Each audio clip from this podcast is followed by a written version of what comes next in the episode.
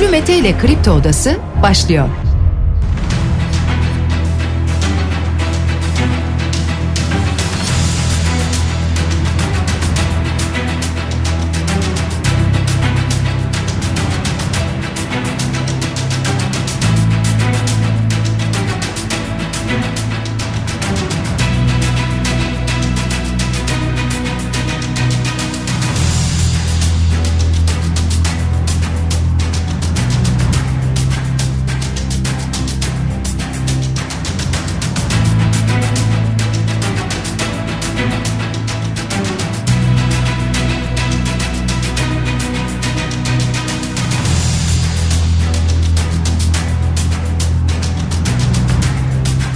14 Mart Salı sabahından Kafa Radyo'dan Kripto Odası'ndan tüm Türkiye'ye yurt dışında bizi dinleyen dinleyicilerimize günaydın. Hepinize sağlıklı ve güzel bir gün dileyerek her sabah olduğu gibi programımıza başlıyoruz. Bugün de Kripto Odası'nda saat 10'a dek sizlerle birlikte olacağız. Gündemdeki başlıkları değerlendireceğiz.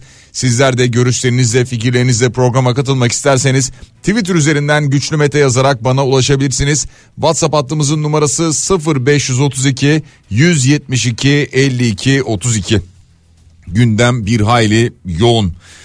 Dünden gelen can kaybı haberi var. 48.448 olarak açıkladı. İçişleri Bakanı Süleyman Soylu son olarak can kaybını. AK Parti'den Hüdapar'a ziyaret var. Ziyaretin ardından da pürüz yok açıklaması geldi. Şu anda Hüdapar çokça konuşuluyor. Gündemde siyasetin gündeminde yer alıyor. Kemal Kılıçdaroğlu'nun Sözcü gazetesine vermiş olduğu bir röportaj var. Ucu nereye giderse gitsin 418 milyar doları alacağım diyor Kemal Kılıçdaroğlu yapmış olduğu açıklamada.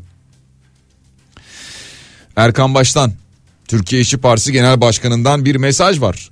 15 Mayıs'ta uçuşları iptal edelim diyor. Neden böyle söylüyor bunlara da yer vereceğiz. AFAD İstanbul'da riskli ilçeleri hatta ilçelerin içerisindeki mahalleleri de açıkladı. Bu ilçelere de yer vereceğiz program içerisinde. Maalesef yine bir kadın cinayeti. Eski eşini yaraladı, kayınvalidesini öldürdü. Evet birçok haber var bugün program içerisinde bahsedeceğimiz Türkiye ile Amerika ilişkileri var. Daha geniş jeopolitik stratejik diyaloğa ihtiyaç var diyor. İbrahim Kalın böyle bir açıklama yapıyor.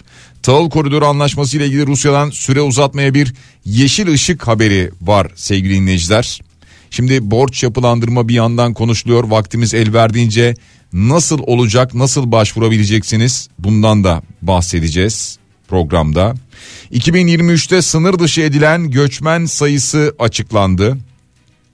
İstanbul'da evini dönüştürmek isteyenlere 2 yıl geri ödemesiz kredi imkanı sağlanacak. Buna dair bir haber var.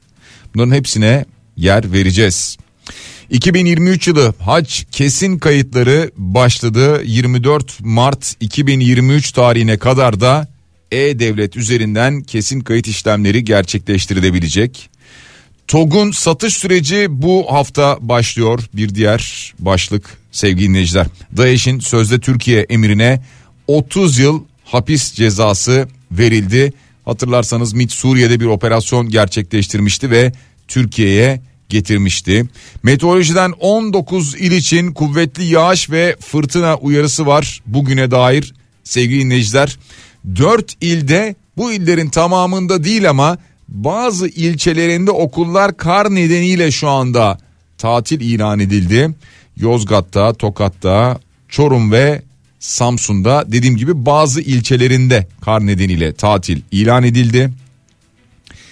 İlginç gelecek olan bir haber ama maalesef acı bir gerçek. Diyarbakır'da sünnet için Ergani Devlet Hastanesi'ne götürülen iki buçuk yaşındaki çocuğa bademcik ameliyatı yapıldı. İl Sağlık Müdürlüğü ailenin şikayeti üzerine soruşturma başlattı. Sünnet için götürülmüş bademcikleri alınmış. Dün futbolda bir karşılaşma vardı. İstanbul Spor Sivas Spor'u 3-0 mağlup etti sevgili dinleyiciler. Galatasaray 60 puanla lider, Fenerbahçe 51 puanla ikinci, Beşiktaş 46 puanla 3. sırada yer alıyor 25. haftanın sonunda. Hemen bir de döviz tablosuna bakalım. Dolar şu anda 18 lira 97 kuruş. Serbest piyasada 19 liradan aşağıya e, döviz işlemi herhalde yapılmıyordur diye tahmin ediyorum. Euro'ya baktığımızda 20 lira 31 kuruş seviyelerinde görüyoruz. Gram altın 1161 lira, çeyrek altın 1867 lira. Burada da fiyatlar serbest piyasada biraz daha yukarıdadır.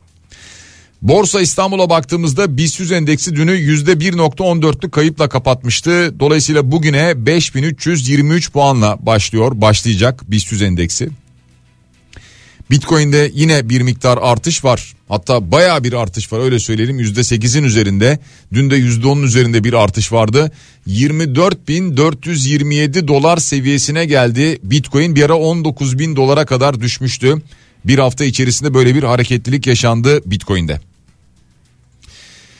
Başlıklar bu kadar ama aktaracağımız haberler sadece bu kadar değil. Birçok haber var. Bunların hepsine değineceğiz vaktimiz el verdiğince. Şimdi siyasetle başlayalım önce. İttifaklar biliyorsunuz genişleme peşindeler şu anda. Çeşitli görüşmeler yapıyorlar. İttifaklara katılmak isteyenler, ittifaklar kendi içlerine katmak istedikleri partilerle bir yandan görüşmeler gerçekleştiriyorlar. Şimdi artık yüzde bir oy oranı olsa bile yüzde birin altında oy oranı olsa bile bir partiyi daha ittifaka katabilmek adına çeşitli görüşmeler yapılıyor. Son olarak AK Parti'nin Hüdapar görüşmesi vardı. Ki Hüdapar Cumhur İttifakı'na desteğini açıklamıştı. ANAP'la da bir temas gerçekleştirildiği bilgisi var aynı zamanda. Dün bu görüşme de gerçekleşti. AK Parti'den Numan Kurtulmuş ve Ali İhsan Yavuz gittiler. Hüdapar Genel Başkanı Zekeriya Yapıcıoğlu ile görüştüler.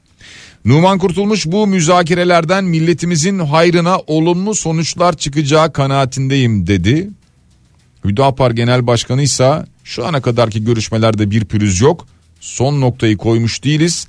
Anlaşılamayan bir nokta yok diye konuştu. Televizyon programında kendisine Hizbullah sorulduğunda veya Hizbullah'la ilgili terör örgütüdür demedi. Aynı zamanda MHP ile ilgili ise MHP'nin kendisinin buna cevap vermesi gerektiğini söyledi. Hüdapar'ın biliyorsunuz siyasetinde veya parti politikasında işte Türklük kaldırılsın, işte Kürtçe ikinci dil olsun vesaire gibi talepler var hatırlarsanız. Ve aynı zamanda buna hemen tepkiler gelmeye başladı. Özellikle CHP'den bir tepki var. Faik Öztürk diyor ki Hüdapar'la koalisyon yapacaklar. Kimin kimle iş tutacağı, koalisyon yapacağı elbette bizi ilgilendirmez ama Diyarbakır Emniyet Müdürümüz Ali Gaffar Okkan'ı kalleşçe katleden, İslamcı feminist yazar Konca Kuriş'i domuz bağıyla öldüren, Zehra Vakfı Başkanı İzzettin Yıldırım'ı gazeteci Halit Güngen'i infaz eden terör örgütünün siyasi uzantılarıyla kol kola girecek kadar durumları vahim dedi. Bir ara hatırlarsanız domuz bağıyla bağlanıp insanların öldürüldüğü cansız bedenlerinin toprak altından çıkarıldığı konuşuluyordu Türkiye'de. İşte Hizbullah'la beraber yaşanan olaylardı bunlar. Şimdi bunu anlatıyor dolayısıyla bunu ifade ediyor şu anda CHP ve buna itiraz ediyor. Metropol araştırmanın kurucusu Özer Sencar'dan gelen bir açıklama var. Bu durum AKP'ye yaramaz. Neden böyle bir şey yapıyorlar diyor. Hüdapar'ın Cumhur İttifakı'na getirisi götürüsünden az olacak. Hüdapar dediğimiz şey Hizbullah'tır. Geçmişlerinde domuz bağıyla öldürdükleri insanlar var. Mevcut siyasi yönetimdeki kişileri kastetmiyorum ama geçmişi ortada. Muhalefet bunu kullanırsa getirisi götürüsünden az olur diye bir açıklama yaptı. Metropol Araştırma'nın kurucusu Özer Sencar'dan geldi bu açıklama. Tabi burada MHP'nin tavrı çok merak ediliyor ama MHP'den şu ana kadar bu konuyla ilgili gelen bir açıklama yok. Herhalde MHP de kendi adına bu konuyla ilgili Cumhur İttifakı'nın ortağı olarak bir şey söyleyecektir değil mi? Ya en azından eleştiriler varken bu eleştirileri kabul etmiyoruz. Haksızsınız diyebilir. Veya der ki evet biz de düşünüyoruz kendi içimizde bu konuyu. Ha onu der mi diyemez mi onu bilemiyorum ama en azından bir ses çıkartabilir bu konuyla ilgili. Biliyorsunuz e, Büyük Birlik Partisi Genel Başkanı Mustafa Destici ile Cumhurbaşkanı Erdoğan bir araya geldi. Görüşmeler gerçekleşiyor bir yandan. Büyük Birlik Partisi önümüzdeki seçimlerde 81 ilin tamamında kendi ismi ve kendi logosuyla ve kendi adaylarıyla seçime katılacak dedi Mustafa Destici. Prensip olarak anlaştığımız budur dedi. Tabii e, Cumhur İttifakı genişleyecek mi sorusuna da görüşmelerin devam ettiğini söyledi. Şimdi Cumhurbaşkanı adayı olarak, Cumhurbaşkanı olarak veya işte Recep Tayyip Erdoğan'ı destekliyorlar. Ama her şehirde kendi adaylarıyla girecekler. Yani bu şehirde kendi adayımla girmeyeceğim. Cumhur İttifakı'nın işaret ettiği adayla gireceğim demiyor Büyük Birlik Partisi. Şimdi partiler içerisinde bir yandan bunlar tartışılıyor çünkü. Gelelim bir diğer konuya. Şimdi Cumhur İttifakı içerisinde bu görüşmeler yapılırken işte Hüdapar'la yapılan görüşme mesela şu anda çokça tartışılırken bir yandan yeniden Refah Partisi ile yapılan görüşme de tartışıldı. Çünkü şöyle bir konu geldi gündeme. 6284 sayılı kanunun kaldırılmasını istiyor yeniden Refah Partisi. Ve bununla ilgili de Genel Başkan Yardımcıları Doğan Aydal bu ittifak görüşmelerinde bu kanunun kaldırılmasını da öngören taleplerinin kabul gördüğünü söylüyor. Yani bunu söylüyorlar ve AK Parti tarafından bu kabul görüyor. Nedir o? 6284 sayılı kanun ailenin korunması ve kadına karşı şiddetin önlenmesine dair kanun. Ama şunu söyleyelim. Hemen ardından hükümet kanadından AK Parti'den gelen açıklamalar oldu. Ee, bir defa anında Bakan Derya Yanık dedi ki hayır böyle bir şey söz konusu olamaz. Bu kabul edilemez dedi. Kanunun kabulünden bu yana uygulamayı da geliştirmek için titizlikle düzenlemelerimizi sürdürüyoruz. Tartışmaya açılması dahi kabul edilemez dedi. Yani hemen AK Parti kanadından bakandan gelen bir yalanlama diyebiliriz. Böyle bir açıklama oldu. Aynı zamanda yine yanlış hatırlamıyorsam bu görüşmeler içerisinde bulunan isimlerden birisi de dedi ki AK Parti kanadından böyle detay bir konu konuşulmadı diye bir açıklama yaptı. Ha var mıydı yok muydu şimdi sonra mı geri adım atıldı onu bilemiyoruz. Ama Kemal Kılıçdaroğlu biliyorsunuz muhafazakar genç kadınlara seslenmek istiyorum demişti. Biz baskıcı olan her şeyden arındık demokratikleştik diyordu. Şimdi e, 6284 sayılı kanunun amacı şiddet gören ya da bu yönde bir tehdit altında bulunan kadın, çocuk, aile bireyi ve tek taraflı ısrarlı takip mağdurlarının korunması ve bu kişileri hedef alan şiddetin önlenmesi için alınacak olan önlemleri düzenlemeyi içeriyor. Şimdi buna karşı mı durmak gerekiyor? Yani bu bir dakikaya bunu kaldırın mı demek gerekiyor? Bunun neresine itiraz ediyorsunuz mesela? Kanun fiziksel şiddetin yanı sıra ekonomik, psikolojik, cinsel şiddet gibi farklı şiddet türlerini de kapsıyor aynı zamanda. Şimdi bunlar bizim ülkemizin maalesef dünyada da var ama bizim ülkemizin de gerçekleri değil mi?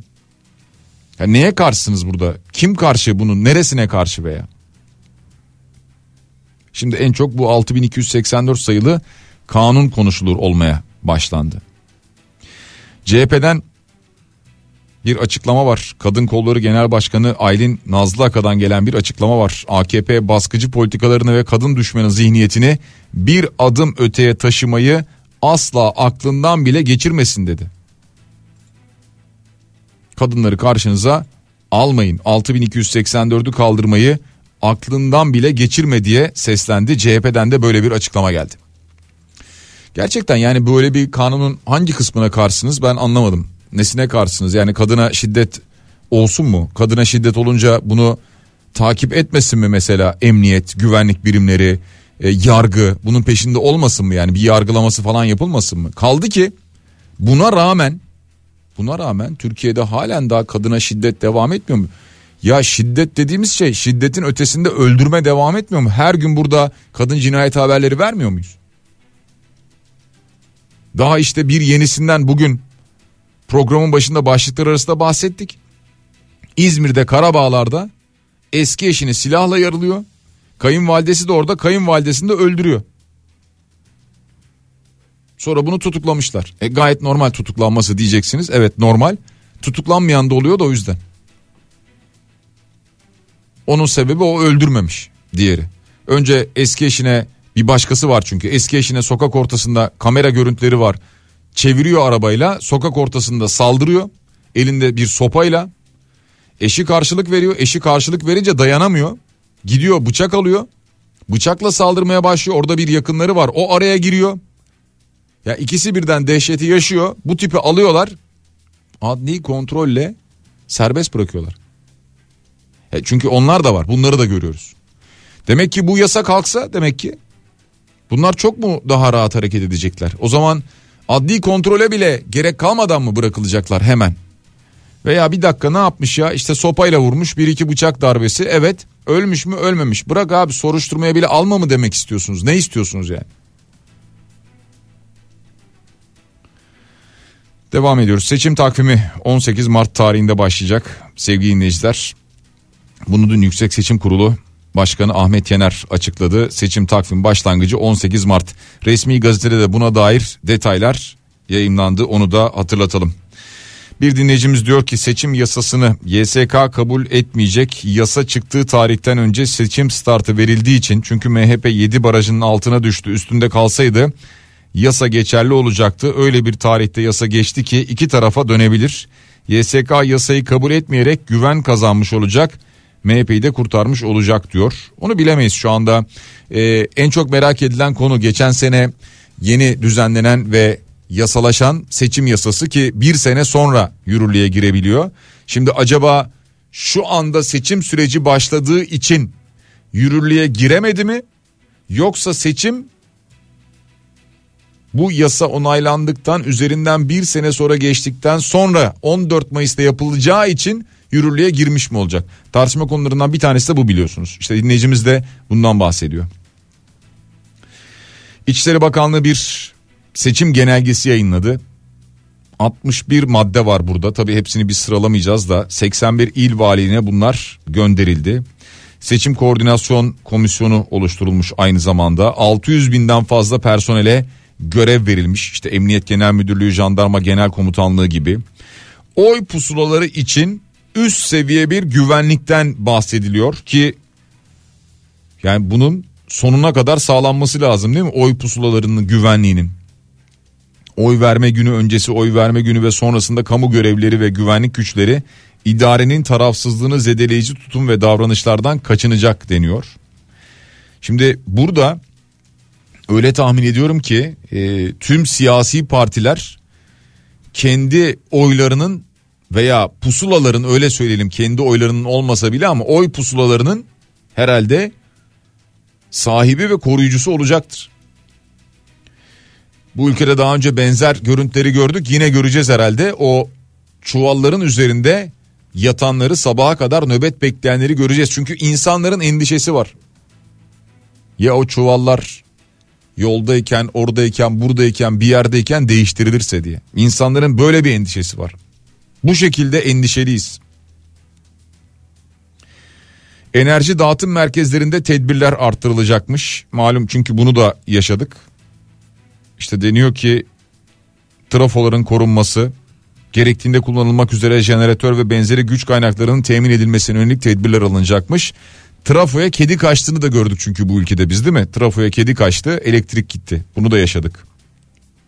Kamera ve aydınlatma sistemlerine özel önlem verilecek deniyor. Önem verilecek deniyor pardon.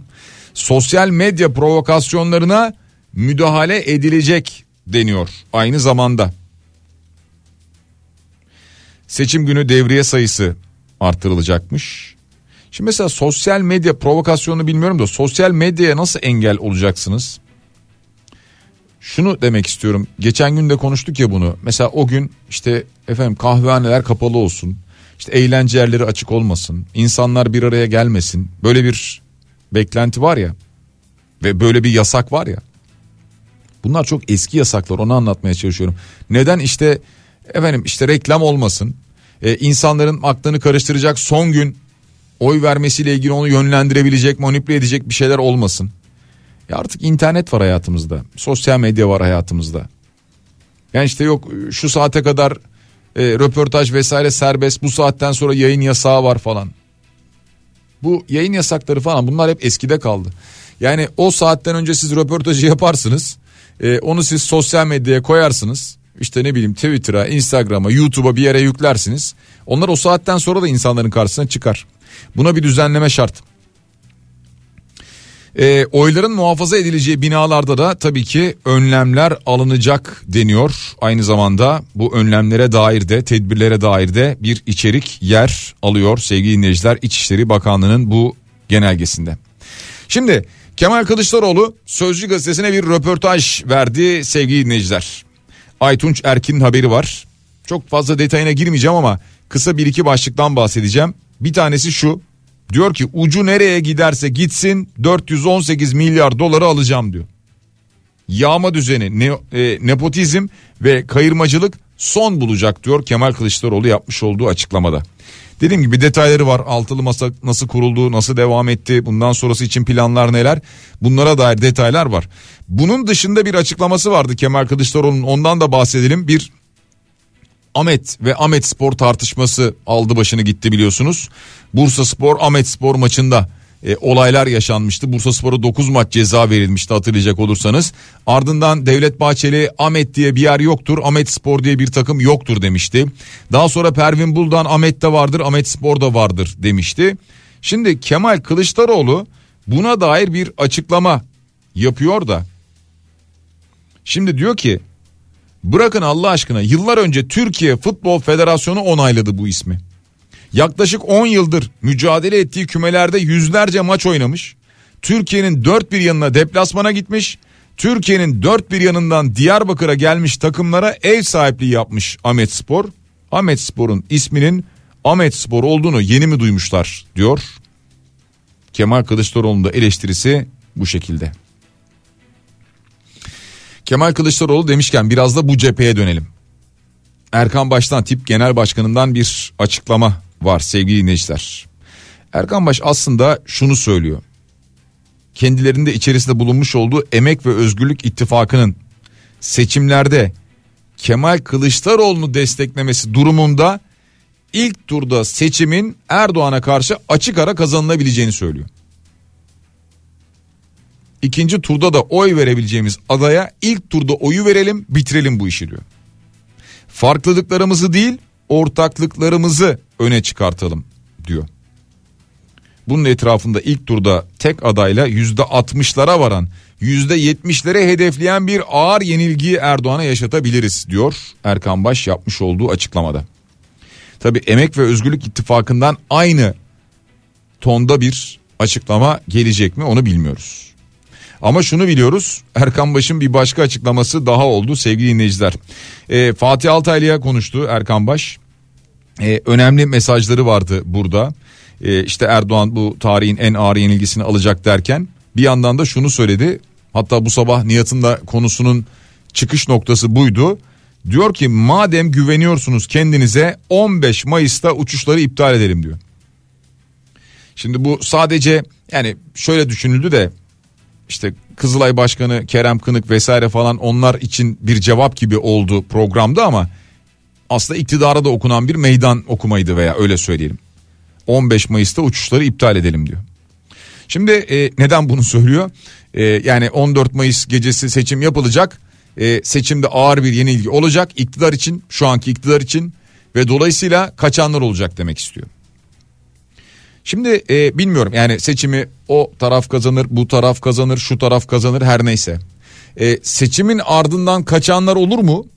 E, olur bilir yani olabilir evet. Yani burada e, huzurunun kaçacağını düşünenler varsa kaçabilirler. Burası Türkiye. Yani biz bunları daha önce yaşamadık değil. Ee, insanlar e, bir baktınız sabahın erken saatlerinde sabaha karşı şafak operasyonlarıyla evlerinden alındılar yaşanmaz diye bir şey yok yaşanabilir. Ha 15 Mayıs'ta hemen bir şeyler olmaz belki ama yani çünkü şu anki Millet İttifakı geldiğimizde hesap soracağız diyor. Eğer böyle bir değişiklik olursa veya tam aksi yani belli olmaz. E, şu anki iktidar partisi Cumhur İttifakı seçimi kazanırsa yine benim huzurum kalmadı deyip gidenler olabilir mi? Olabilir. Ama önemli olan şimdi huzurum kalmadı kalmıyor deyip giden ayrı. Bir de varsa eğer çeteleşmiş olanlar bu ülkeyi dolandıranlar dolandırıcılık yapanlar sahtekarlar bunlar kaçacak mı? Mesele bu. Şimdi bunlar içerisinde de kaçmayı planlayanlar varsa 15 Mayıs'ı zaten beklemez. Bunlar seçim günü de burada olmazlar. Bunlar seçimden birkaç gün önce hem de seçim günü de değil. Çünkü seçim günü çıkarlarsa onların seçim günü 14 Mayıs'ta uçağa bindikleri, yurt dışına çıktıkları falan tespit edilir sonra açıklanır. Seçim günü değil öncesinde. Şöyle birkaç gün önce, 3-4 gün önce, bir hafta önce yavaş yavaş uzamaya başlarlar zaten. Eğer bunu niyet edenler varsa, buna niyet edenler varsa. Birkaç gün önceden giderler. Şöyle 14 Mayıs'ta 15 Mayıs sabahı tabloyu bir görürler. Bu tabloya göre hareket ederler. Zaten bunların bir kısmı yurt dışında yapacaklarını yapmışlar. Yerlerini, evlerini, hayatlarını, düzenlerini falan kurmuşlar. Ailelerini falan oralara göndermişler. Ceketlerini alıp çıkıp gidecek tipler var. İşte onlar gitmesin, gidemesin diye söylüyor Erkan Baş. Diyor ki 15 Mayıs'ta uçuşları iptal edelim. Yani sembolik bir ifade netice itibariyle. Devam ediyoruz. HDP Kemal Kılıçdaroğlu bu hafta ziyarete bekliyormuş sevgili dinleyiciler. Bir ara 14 Mart tarihinden konuşuluyordu bugüne dair konuşuluyordu ancak e, şimdi bu hafta HDP Grup Başkan Vekili Saruhan Oluç bir açıklama yapmış. HDP'yi bu hafta ziyaret edecek demiş Kemal Kılıçdaroğlu'yla ilgili. Ee, daha sonra da çarşambadan sonra diye bir açıklama olmuş. Yani çarşambaya kadar herhangi bir görüşme olmayacak ama bu hafta içi görüşmenin olacağını tahmin ediyorum diyor. Netice itibariyle Millet İttifakı'nın adayı Kemal Kılıçdaroğlu HDP ile de bir görüşme gerçekleştirecek gibi görünüyor ki zaten daha önce bunu söylemişti ama bu görüşme bu hafta içi mi olur göreceğiz. Ve devam ediyoruz sevgili dinleyiciler. CHP'den bir başka mesaj var. CHP'li Gürsel Erol'dan bir mesaj var. Muharrem İnce ile ilgili. Şimdi Muharrem İnce aday olacak mı olmayacak mı? Biliyorsunuz Memleket Partisi kendi içerisinde bir seçim yaptı. Cumhurbaşkanı adayı olarak Muharrem İnce'yi belirledi. Şimdi CHP'li Gürsel Erol da diyor ki partinin mutfağından yetişmiş her türlü görev almış birisi. Muharrem İnce'nin Kılıçdaroğlu lehine adaylıktan çekilmesini bekliyoruz. Akıllı ve mantıklı bir adamdır. Yuvasına geri döner diye bekliyorum ve dönmelidir diyor. Böyle bir açıklaması var. Ha yani yuvasına geri mi döner yoksa memleket partisi olarak şu anda biz Kemal Kılıçdaroğlu'nu destekliyoruz. Millet İttifakı'nı destekliyoruz der mi? Ee, şimdi Muharrem İnce'den de böyle bir açıklama bekleniyor aslında. Yani hayır biz kendi başımıza gireceğiz mi diyecek yoksa biz de Millet İttifakı'nı destekliyoruz mu diyecek böyle bir beklenti var. Yani ikisinden birisi açıklama bekleniyor. Ha daha ne kadar beklenir bu açıklama onu da bilmiyorum. E, tabii şunu biliyoruz daha önce Cumhurbaşkanlığı seçim sürecini seçim gecesi daha iyi idare edebilseydi Muharrem İnce belki de şu anda Millet İttifakı'nın yine adayı olacaktı zaten. Ya belki de şu anda farklı şeyler konuşulacaktı. E, bakalım bu süreci nasıl e, idare edecek? E, nasıl bir fikri var, planı var? Göreceğiz. İyi Parti'den bir açıklama var. Kürşat Soru'dan sevgili dinleyiciler. Şimdi biz artık Millet İttifakıyız diyor. Adımız da buna dönüştü. Kanaatim odur ki altılı masa Cumhur İttifakı olmuştur. Onların da diğer partilerle birlikte sayısını topladığımızda artık yepyeni bir altılı masa var diye açıklama yaptı. Devam ediyoruz. Şimdi biraz deprem başlığına geçeceğim sevgili dinleyiciler. Deprem bölgesinden gelen haber 48.448 can kaybı olduğu yönündeydi. Dün İçişleri Bakanı Süleyman Soylu bu açıklamayı yaptı. Bir yandan bu bölge sallanmaya devam ediyor. AFAD'dan İstanbul depremi için bir kırmızı eylem planı var. Mahalle mahalle deprem riski yüksek olan ilçeleri sıraladı AFAD.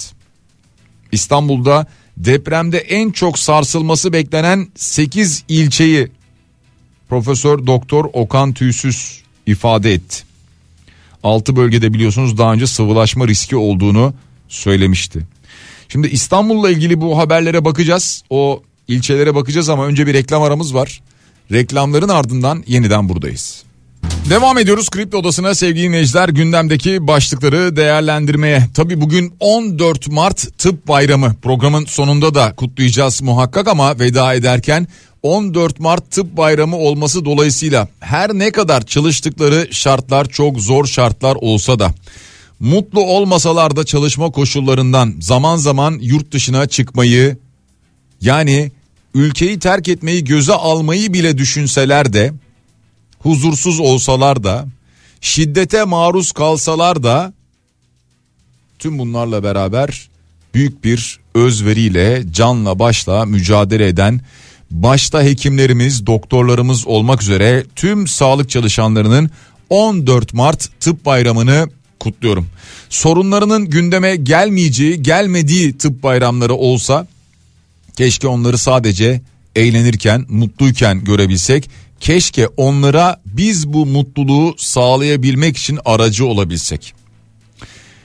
Önemlerini, kıymetlerini pandemi döneminde daha çok anladık değil mi? Her ne kadar bazıları anlamamış olsa da o önemi, o liyakatı anlamamış olsalar da biz anladık değil mi kıymetlerini, değerlerini?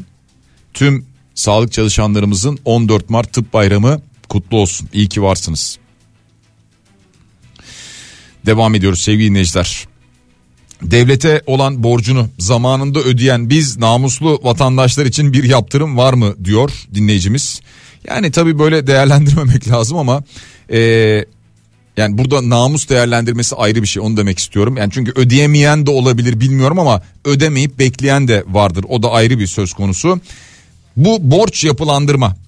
Ee, şimdi deprem haberine geri döneceğim ama böyle bir mesaj gelmişken söyleyelim. Biliyorsunuz malum yasa çıktı. Bu yasa kapsamında 31 Aralık 2022 tarihine kadar devlete olan bütün borçlar yapılandırılabilecek. Ve başvuru süresi 31 Mayıs'a kadar. Yani 31 Mayıs'a kadar başvuruda bulunabileceksiniz. 30 Haziran'da ilk taksidi yatıracaksınız. Ve 48 ay taksitle yani onu siz seçebilirsiniz. İsterseniz 48 ay taksitle bu borcu ödeyebileceksiniz. Kredi kartıyla bile ödeme yapılabilecek. Tüm vergi borçları, prim, trafik, askerlik, nüfus, köprü, otoyol kaçak geçiş cezaları, daha önce hiç yapılandırma düzenlemesinde yer almayan adli para cezaları, idari para cezaları, öğrenim kredisi borçları, destekleme primi borçları da yapılandırma kapsamına giriyor. Ha dediniz ki ya bir dakika radyoda anlattınız televizyonda söylüyorlar ama nasıl öğreneceğiz ne yapacağız? İnternet vergi dairesine girersiniz internet vergi dairesinden siz borcunuzu görüntüleyebilirsiniz. Hatta buradan bile yapılandırma ile ilgili başvurular alınıyordu daha önceki dönemlerde. Peşin ödemeler var. Peşin ödemelerde avantajlar var. Çünkü büyük indirimler sağlanıyor. Daha önce 36 taksitti üst sınır. Şimdi 48 aya çıkarıldı. Az önce söylediğim gibi 31 Mayıs tarihine kadar da başvurabilirsiniz. Şimdi gelelim deprem konusuna. Depremle ilgili AFAD'dan bir kırmızı eylem planı var sevgili dinleyiciler. AFAD Anadolu yakası ve Avrupa yakasındaki İstanbul'la ilgili tabi. Deprem riski olan ilçe ve mahalleleri tek tek duyurdu. Şimdi tek tek biz bunu muhakkak sayamayacağız belki mahalleleri tek tek sayamayacağız ama mesela Anadolu yakasındaki riskli mahalleler diye Maltepe'nin çeşitli mahalleleri var. Cevizli, Bağlarbaşı, Fındıklı, Girne, Esenkent gibi. Pendik'te Kavakpınar, Velibaba, Kaynarca, Ahmet, Yesevi mesela. Sultanbeyli'de Hamidiye, Turgut Reis, Akşemsettin, Mimar Sinan, Yavuz Selim, Orhan Gazi gibi. Tuzla'da Postane, Aydınlı, Şifa, Mimar Sinan, Aydıntepe var. Ataşehir'de tek semt yazıyor İçerenköy. Kartal'da Hürriyet, Karlıktepe, Orhantepe, Atalar, Cevizli. Avrupa yakasındaki riskli mahallelere döndüğümüzde Şişli'de Paşa ve Merkez var. Zeytinburnu'nda Maltepe Seyit Nizam, Veli Efendi, Kazlı Çeşme, Merkez Efendi, Gökalp var. Avcılar'da Cihangir, Ambarlı, Firuzköy, Yeşilkent var. Ki bunlar tamamı değil bir kez daha söylüyorum. Bunu detaylı bir şekilde AFAD'ın bu listesinden bulabilirsiniz. Bağcılar'da bakıyorum şöyle bir Yıldıztepe, Evren, Hürriyet, Merkez, Fevzi Çakmak, Yeni Mahalle, Bağlar, İnönü, Yavuz Selim, Barbaros, Sancaktepe var. Bahçeli Evler'de Şirin Evler, Koca Sinan, Yeni Bosna, Çoban Çeşme, Fevzi Çakmak var. Bakırköy'de Osmaniye, Yeşilköy, Zeytinlik, Şenlikköy, Ataköy 256, Ataköy 3411, Ataköy 789, Cevizlik var. Başakşehir'e baktığımızda Ziya Gökalp, Şahintepe, Güvercintepe'yi görüyoruz. Bayrampaşa'da Altın Tepsi, İsmet Paşa, Yeni Doğan, Terazidere, Kartaltepe var. Beylikdüzü içerisinde Barış Yakuplu, Adnan Kahveci, Marmara, Gürpınar, Büyükşehir ve sahil var. Beyoğlu'nda Piyale Paşa, Piri Paşa, Hacı Ahmet'i görüyoruz. Büyükçekmece'de Batıköy, Pınartepe, Güzelce, Atatürk ve Hürriyet yer alıyor. Esenler'de Fatih, Menderes, Kazım Karabekir, Oruç Reis, Çifte Havuzlar, Esenyurt'ta çok var. Atatürk örnek, Saadetlere, Namık Kemal İnönü, Yenikent, Fatih, Güzelyurt, Pınar, Talatpaşa Merkez. Eyüp Sultan'da Nişanca, Topçular, Düğmeciler, Defterdar, Karadolap, Gazi Osman Paşa'da Merkez, Sarıgöl, Yıldız Tabya. Güngören'de yine Merkez, Güneştepe, Haznedar, Akıncılar, Güven, Toskoparan, Kağıthane'de Talat Paşa, Merkez Gürsel, Küçükçekmece'de Kanarya, Cumhuriyet, Cennet, İnönü, Fevzi Çakmak, Gültepe, Yeni Mahalle, Kartaltepe, Atakent var. Fatih'te Mevlana Kapı, Şehremini, Akşemsettin, Ayvansaray, Koca Mustafa Paşa, Yavuz Sultan Selim, Yedikule, Balat, Hırkayı Şerif, Topkapı, Silivri Kapı, Molla Gürani, Sümbül Efendi, Ali Kuşçu, Seki Sultan, Cerrahpaşa, Karagümrük, Aksaray, Cibali var ki Fatih'te çok yer olduğunu görüyoruz aynı zamanda sevgili Necder. Şimdi bunlar AFAD'ın kırmızı eylem planı içerisinde yer alan mahalleler, semtler aynı zamanda. İstanbul'da depremde en çok sarsılması beklenen ilçeler içerisinde de yer alıyor. Jeolog Profesör Doktor Okan Tüysüz ivme ne kadar büyükse yüzeydeki sarsıntı da o kadar büyüyebiliyor diyor. İstanbul'la ilgili diyor ki İstanbul'da 26 ilçe olası depremde 0.4-0.6 arasında pik zemin ivmesine maruz kalabilir. 0.6 ile 0.8 arasında pik zemin ivmesi görülmesi beklenen ilçeler diyor. Yani en fazla sarsıntıyı hissedecek olan ilçeler. Adalar, Avcılar, Bakırköy, Kartal, Pendik, Tuzla, Zeytinburnu ve Beylikdüzü diyor. Daha önce hatırlarsanız Okan Hoca yine 6 bölgede sıvılaşma riski olduğunu söylemişti. İstanbul'da Büyükçekmece ve Küçükçekmece göllerinin çevresi, Ayamama Vadisi, Veli Efendi, Zeytinburnu'nun bazı alanları, Halit çevresi ve Kadıköy Kurbağalıdere'de sıvılaşma riskinin yüksek olduğunu ifade etmişti hatırlayacak olursanız. Ha bunu da hatırladık biliyoruz ne yapacağız diye merak ediyor birçok kişi. Ben evimden nasıl çıkacağım? Ben burayı nasıl terk edeceğim? Ben buradan çıktığım zaman kiracıysam aynı fiyata nerede bir daha ev bulabileceğim aynı kiraya? Veya ev sahibiysem e, çıktım ben buradan o sırada ben dışarıda nasıl yaşayacağım kirada? Bunu düşünüyor şu anda insanlar. Şimdi e, İstanbul'da evini dönüştürmek isteyenlere 2 yıl geri ödemesiz bir krediden bahsediliyor ki bunu İBB Meclisi AK Parti Grup Başkan Vekili Tevfik Göksu söylemiş. Evini dönüştürmek isteyenlere %0.69 faiz oranında 2 yıl geri ödemesiz kredi verileceğini söylemiş. Dönüşüm kredisiyle ilgili detayların Hazine ve Maliye Bakanı Nurettin Nebati tarafından paylaşılacağını aktarmış. Yani bunu e, Nurettin Nebati paylaşacakmış. En az 1 milyon lira verilecekmiş ve 2 yıl geri ödemesiz olacakmış. Hiç kimseye ayrım yapılmaksızın diyor. Yani bu ne manada söylüyor bilmiyorum. Hani partilidir, o partiye yakındır, bu siyasi partiye yakındır diye mi söylüyor? Yoksa işte maddi geliri şöyledir, böyledir, e, durumu şudur, budur falan diye mi söylüyor? İlk ev, ikinci ev vesaire falan bununla mı alakalı onu bilmiyorum ama netice itibariyle gerçekten İstanbul için ve bununla birlikte tüm Türkiye için bir model oluşturulması gerekiyor. Daha önce defalarca söyledik. Çünkü ortada bir gerçek var. Bu gerçeklikten kaçamayız. Deprem gerçeği duruyor karşımızda evet. Şunu hayatımızdan çıkarmamız lazım. Bunu hayatımızdan çıkarmadığımız sürece olmayacak. Bunu hayatımızdan nasıl çıkarabiliriz? Depreme karşı dayanıklı yapılar yapacağız. Ve aynı zamanda tabii ki o yapıları yapılması gereken yerlere yapacağız. Yapılması gerektiği gibi yapacağız. İnsanlar, bilim insanları artık saç baş yoluyorlar kendilerini anlatmaktan. Dillerinde tüy bitti. Defalarca kaç defa söylediler. Ya diyorlar ki şu anda bile mesela büyük bir panik havasında hemen yapılaşmaya girişmeyin deprem bölgesinde diyorlar değil mi? Şu anda bile. Yapmayın bunu diyorlar. Ama hayır hemen eski usul ihaleler bilmem neler falan filan hemen kazmayı vurduk e, küreyi koyduk e, temeli attık falan. Hemen gördünüz değil mi fotoğraflar falan gelmeye başladı. İşte Kahramanmaraş'ta yapılacak 72.596 konut için ilk kazmayı vurduk. Kazmayı vurduk da doğru yere mi vurduk? Kazmayı acaba doğru şekilde mi vurduk? Şu anda kazmayı vurduk oraya bir şeyler yapıyoruz ama bu bölge sallanmaya devam ediyor. Doğru mu yapıyoruz acaba? Tamam şunun farkındayım. Orada yaşayanların yerine kendimizi biraz koyalım ki tamamen koyma imkanımız yok. Bir an evvel kafalarını başlarını sokacak bir ev istiyorlar. Çok haklılar değil mi? Çok haklılar.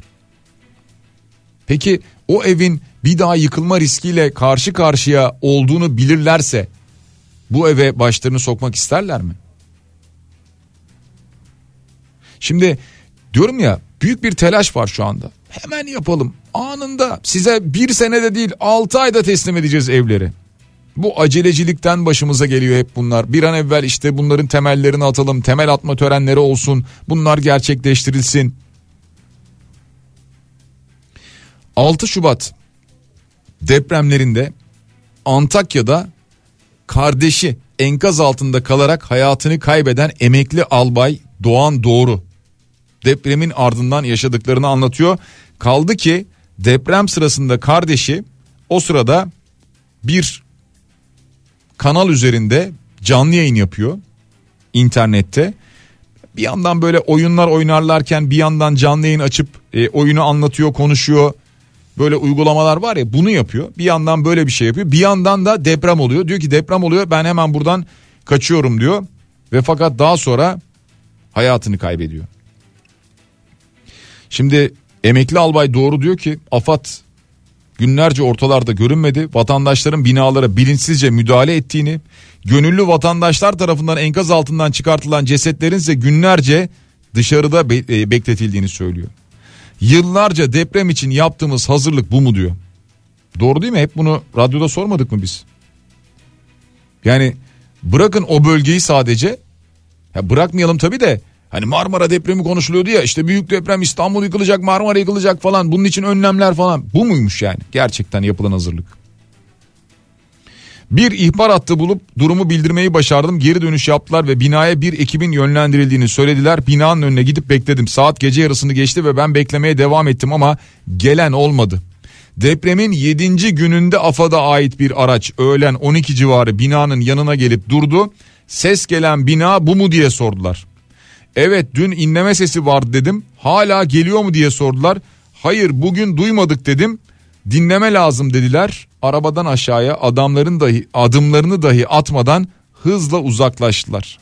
Afat bu mu? Yıllarca deprem için yaptığımız hazırlık bu mu?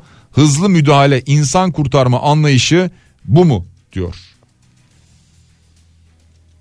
Deprem vergilerini soruyor. Milyonlarca insanın 99'dan beri ödediği deprem vergileri nerede diyor. Hakkımı helal etmiyorum diyor. Ahirette iki elim yakalarında olacaktır diyor. Kim söylüyor? Depremde kardeşini kaybeden emekli albay Doğan doğru söylüyor. Bunları Hakan Kaya'nın Sözcü'deki haberinde yer alıyor sevgili dinleyiciler. Sadece bunlar da değil üstelik. İsmail Saymaz'ın haberini gördünüz mü bilmiyorum. Diyor ki 81 yaşındaki felçli Emine Minas 6 Şubat'tan beri kayıp diye yazmıştım diyor. Hatay Eğitim ve Araştırma Hastanesi'nde yoğun bakımda tedavi görüyormuş. Onunla ilgili bir haber var ki yani aile maalesef cansız bedenine ulaşmış. Kimsesizler mezarlığında. Şimdi e, şundan bahsediyor bu yazıda aileyle de görüştüğü için söylüyor. E, Hatay Eğitim ve Araştırma Hastanesi'nde görev yapan bir hemşire o teyzeyi ben çıkardım koridora koydum yaşıyordu diyor. Geldiğimizde yoktu götürmüşler diyor. Hafif bir müdahaleyle kurtarılabilecek birisiydi diyor. Ve ardından Emine Minaz'ın Hatay Mustafa Kemal Üniversitesi Hastanesi'ne gönderildiği bilgisi var. Oraya gittiğinde de ben Emine Minaz'ım diyor. Buna dair tanıklar var. Sonradan Adana'ya gönderiliyor. Burada öldü ve daha sonra kimsesizler mezarlığına gömüldüğü anlaşılıyor. Yani ne acılar çıkıyor değil mi ortaya? İnanılır gibi değil. Ama maalesef gerçek bunların hepsi yaşandı ve yaşanıyor. Sevgili dinleyiciler programın sonuna geliyoruz. Programın içerisinde de olduğu gibi bir kez daha bugün 14 Mart Tıp Bayramı'nda tüm hekimlerimizin, sağlık çalışanlarımızın tıp bayramını kutluyoruz. İyi ki varsınız. Ee, inşallah ileride dertlerinizin, sorunlarınızın değil, mutluluklarınızın konuşulacağı günler olur. Bir arada mutlu bir şekilde eğleneceğiniz günler olur. Dileğimiz bu. Ee, Türkiye'den uzaklaşan değil, Türkiye'ye gelmeye çalışan hekimlerimiz olduğunu duyarız daha fazla. Önümüzdeki yıllar umarız bunları görürüz. Hekimlerimizi el üstünde tutmamız gerektiğini hem pandemi döneminde hem deprem zamanında bir kez daha anlamışızdır. Tıp bayramınız kutlu olsun. Biraz sonra Bediye Ceylan güzelce sizlerle birlikte olacak sevgili dinleyiciler. Güzel Şeyler programında Cenker Bayrak teknik masada bizimle beraberdi. Teşekkür ediyoruz. Yarın sabah aynı saat diliminde yeniden buluşana dek hepinize sağlıklı ve güzel bir gün diliyorum. Şimdilik hoşçakalın. Eski adamlar doğruyu söylemiş Bir çiçekle bahar olmaz Kişi kendini bilip sağa sola sormalı. Can pazarı bu oyun olmaz. Sürefanın düşkünü Beyaz giyer kış günü. Sonunda şifayı kapıp da şaşırınca Bana gel beni dinle iyi yaz Defteri kalemi al iyi yaz Nane, limon kabuğu Bir güzel kaynasın aman ha ha ha içine Hazmi çiçeği Biraz çöre otu katasın aman Ha ha ha ha ha hatta Biraz tarçın Bir tutam zencefil aman Ha ha ha ha ha Bin derde deva geliyor Biraz daha sabret güzelim Ha ha ha ha ha ha Şov! Çok yaşa rahat ve iyi yaşa. Sen tedbirini al önünü kış tut Bırak yine de yaz gelsin. Çoğu zaman hesap çarşıya uymaz Sonra dizini döversin Sürefanın düşkünü Beyaz giyer kış günü. Sonunda şifayı kapıp da şaşırınca Bana gel beni dinle iyi yaz. Defteri kalemi al iyi yaz. Nane, limon kabuğu Bir güzel kaynasın aman Ha ha ha ha ha içine Hazmi çiçeği Biraz çöre otu katasın aman Ha ha ha ha ha ha da Biraz tarçın Bir tutam zencefil aman Ha ha ha ha ha Bin derde deva geliyor Biraz daha sabret güzelim Ha ha ha ha ha ha! Çok yaşa Barış iğneyi kendine batırır. Çuval kızı başkasına Bol keseden aklı ona buna dağıtır. Darısı kendi başına. Sürefanın düşkünü Beyaz giyer kış günü. Sonunda şifayı kapıp şaşırınca Bana gel beni dinle iyi yaz Defteri kalemi al iyi yaz Nane, limon kabuğu bir güzel kaynasın aman. Ha ha ha ha ha içine Hatmi çiçeği biraz çöre otu katasın aman. Ha ha